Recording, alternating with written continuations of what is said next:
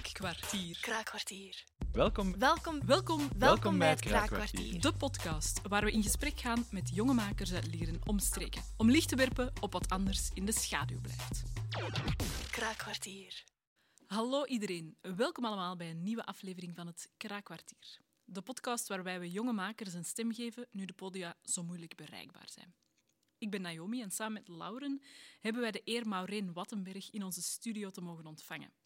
Maureen is illustratrice met een voorliefde voor monotypen en verschillende technieken. En daarnaast geeft ze een heleboel workshops en lessen. Beste Maureen, welkom. Je bent als illustratrice eigenlijk heel actief bezig geweest de laatste tijd. Hè? Waar ben je vooral mee bezig binnen de illustreren en hoe ben je er eigenlijk ingerold? Ik was van kinds af aan altijd al heel veel bezig met kunst. En na een tijd had ik, ik denk rond mijn zesde middelbaar of zo, had ik ineens ook zoiets van oké, daar kan ik echt iets mee gaan doen. En dan ben ik vrij snel tot het idee gekomen dat ik kinderboeken wou maken.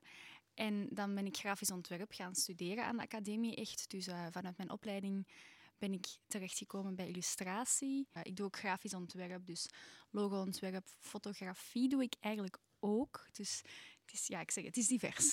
beetje Er wordt van veel. Ja, absoluut. En is dat dan misschien in één stijl dat je werkt? We vragen zo dezelfde vraag aan iedereen. Om die stijl zo wat duidelijker te maken. Als je nu jezelf zou moeten beschrijven of je werk aan de hand van een bijvoeglijk naamwoord en een gerecht. Wat zou je dan verzinnen? Ehm, ik denk ergens kinds of zo wel. Ehm, of een soort ja, naïeve ehm, stijl, maar, maar toch met een soort twist in. Een gerecht, oh, dat vind ik heel moeilijk. ik ben zo geneigd om mijn lievelingsgerecht te bakken. Een boeddha-bol.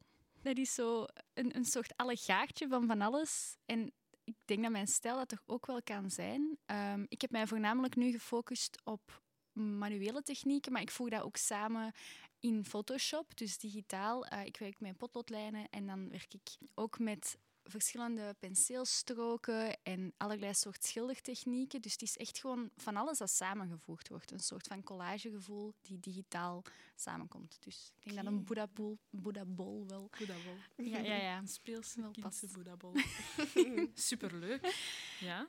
En je hebt daar nu dat inderdaad aan ons laten zien. Je hebt eigenlijk voor ons een boek, als ik het zo kan zien, meegebracht. Kan je ons daar iets meer over vertellen? Welk verhaal zit daar juist achter? Het gaat over een heks, een vriendelijke heks voor kinderen. Hè. En die, eh, ja, die, die past niet echt in die heksenwereld, dus die voelt zich meer aangetrokken tot de mensenwereld. En dan wordt ze verliefd op een jongen en dan gebeurt er van alles. Als onze luisteraars interesse hebben, hoe, hoe heet het boek? Waar kunnen ze het terugvinden? Is het te koop?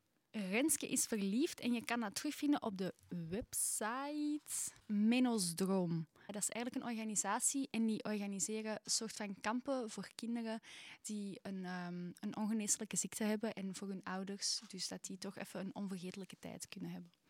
Oké. En dat is wel een heel proces om zo een boek te gaan illustreren. Hoe is jouw persoonlijk artistiek proces eigenlijk? Hoe begin je aan zoiets? Waar komen de ideeën vandaan? Ik krijg dan een manuscript, een, een, ehm, een, een eerste versie zeg maar, van wat er gaat gebeuren. En dan begin ik dat op te delen in stukjes van wat zijn de interessante beelden die ik daarbij kan maken. Maak ik ehm, een soort van templates, zeg maar. Dus dat ik echt eens ga zien van wat kan er op elke pagina of op elke spread, wat kan daar gebeuren. En dan stuur ik dat door naar die auteur. Dus het is telkens echt wel een terugkoppeling naar de auteur. Van kijk, dit is de stijl die ik wil uitgaan. Dit moet er gebeuren. Hier komt de tekst geplaatst. Deze tekst wordt er geplaatst dat we echt wel gaan zien van ja, zo op deze manier hè, kunnen we verder. En als al die stappen zijn doorlopen, dan begin ik echt wel met tekenen. En is dat dan samenlopend met nog andere projecten? Of is dat echt wel die focus op dat boek dan? Of...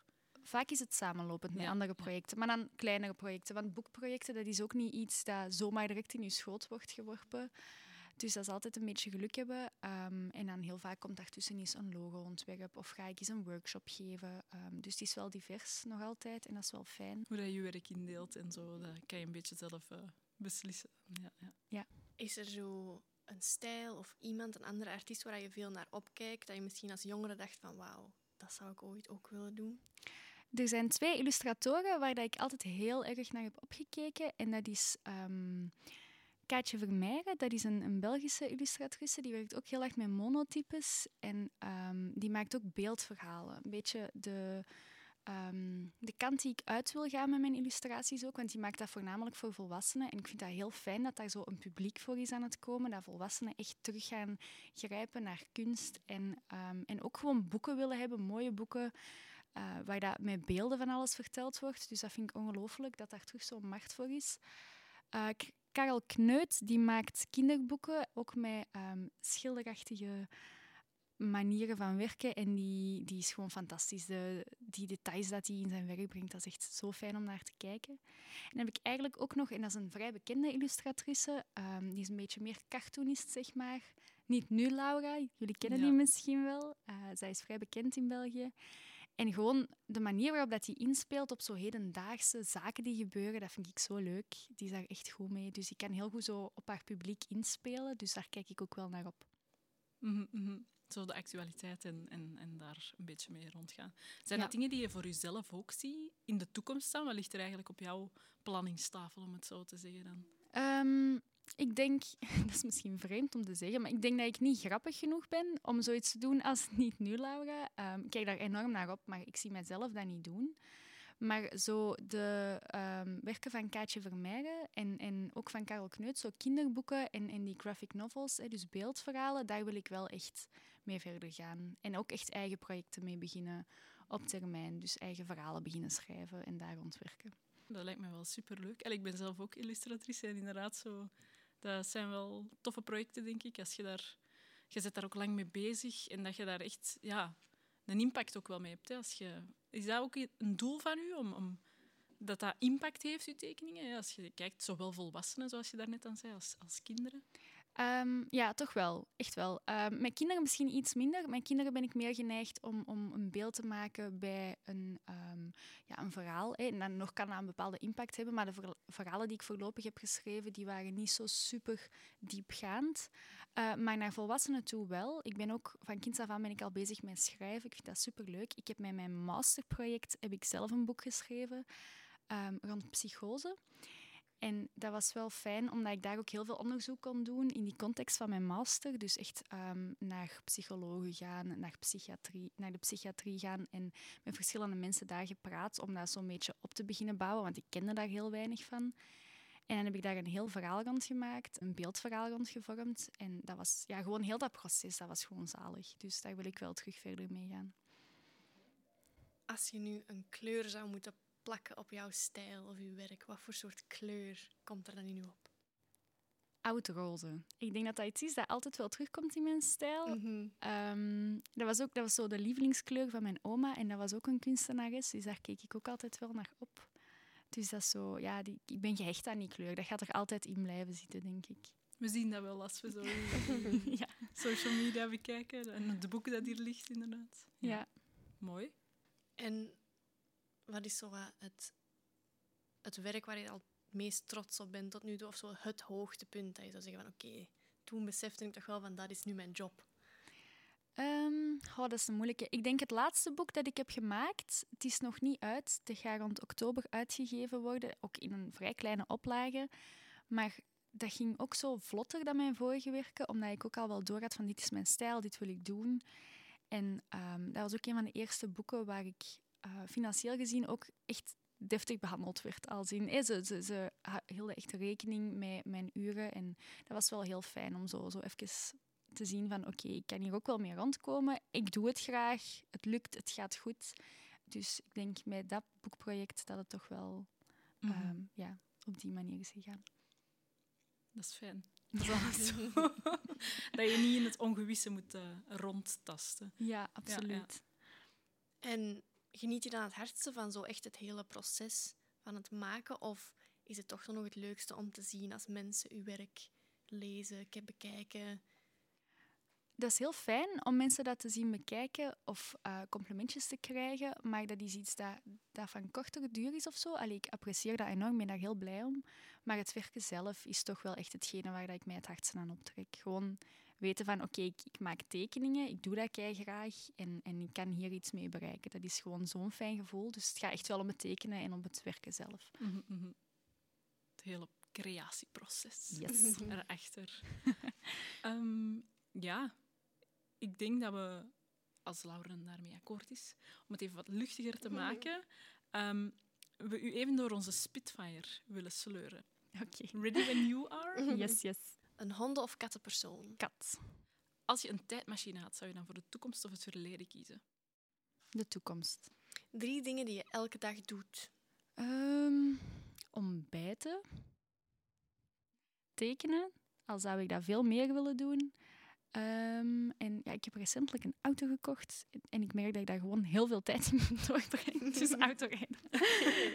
Ketchup of mayonaise? Beide, maar niet gecombineerd. Favoriete fruit en meest gehate groente? Mango en champignons. Toeters en bellen over de top of simplistisch? Simplistisch. En wat zou je jouw jongere zelf als advies meegeven?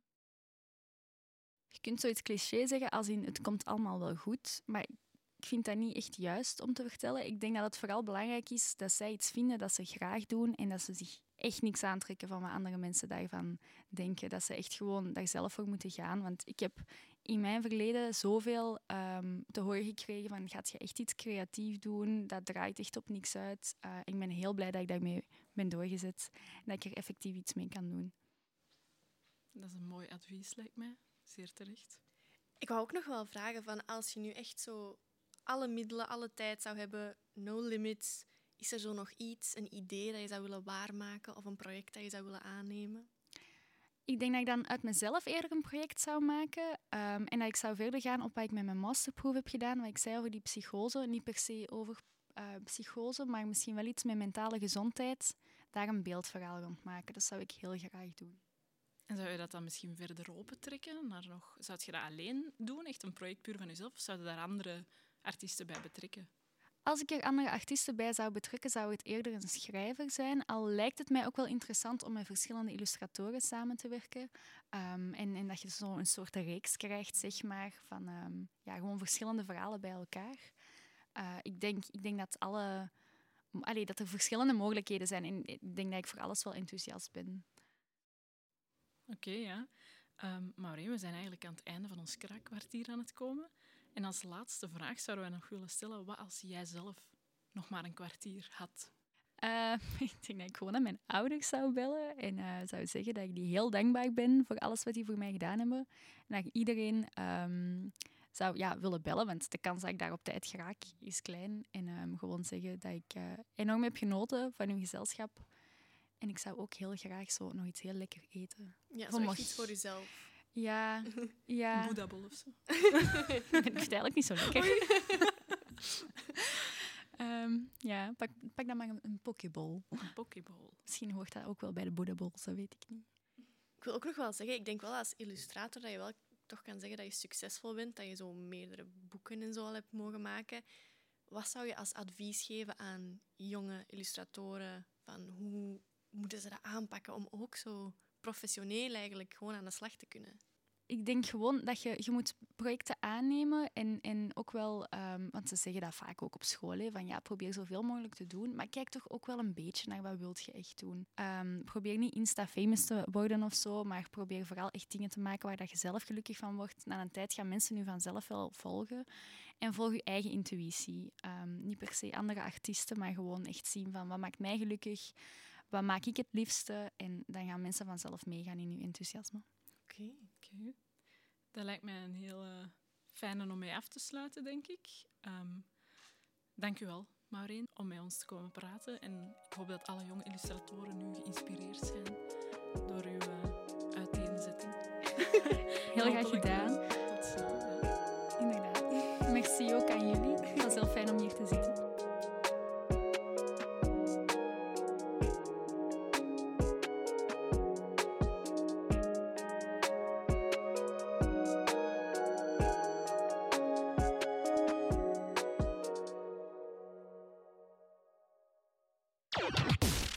Kraakkwartier.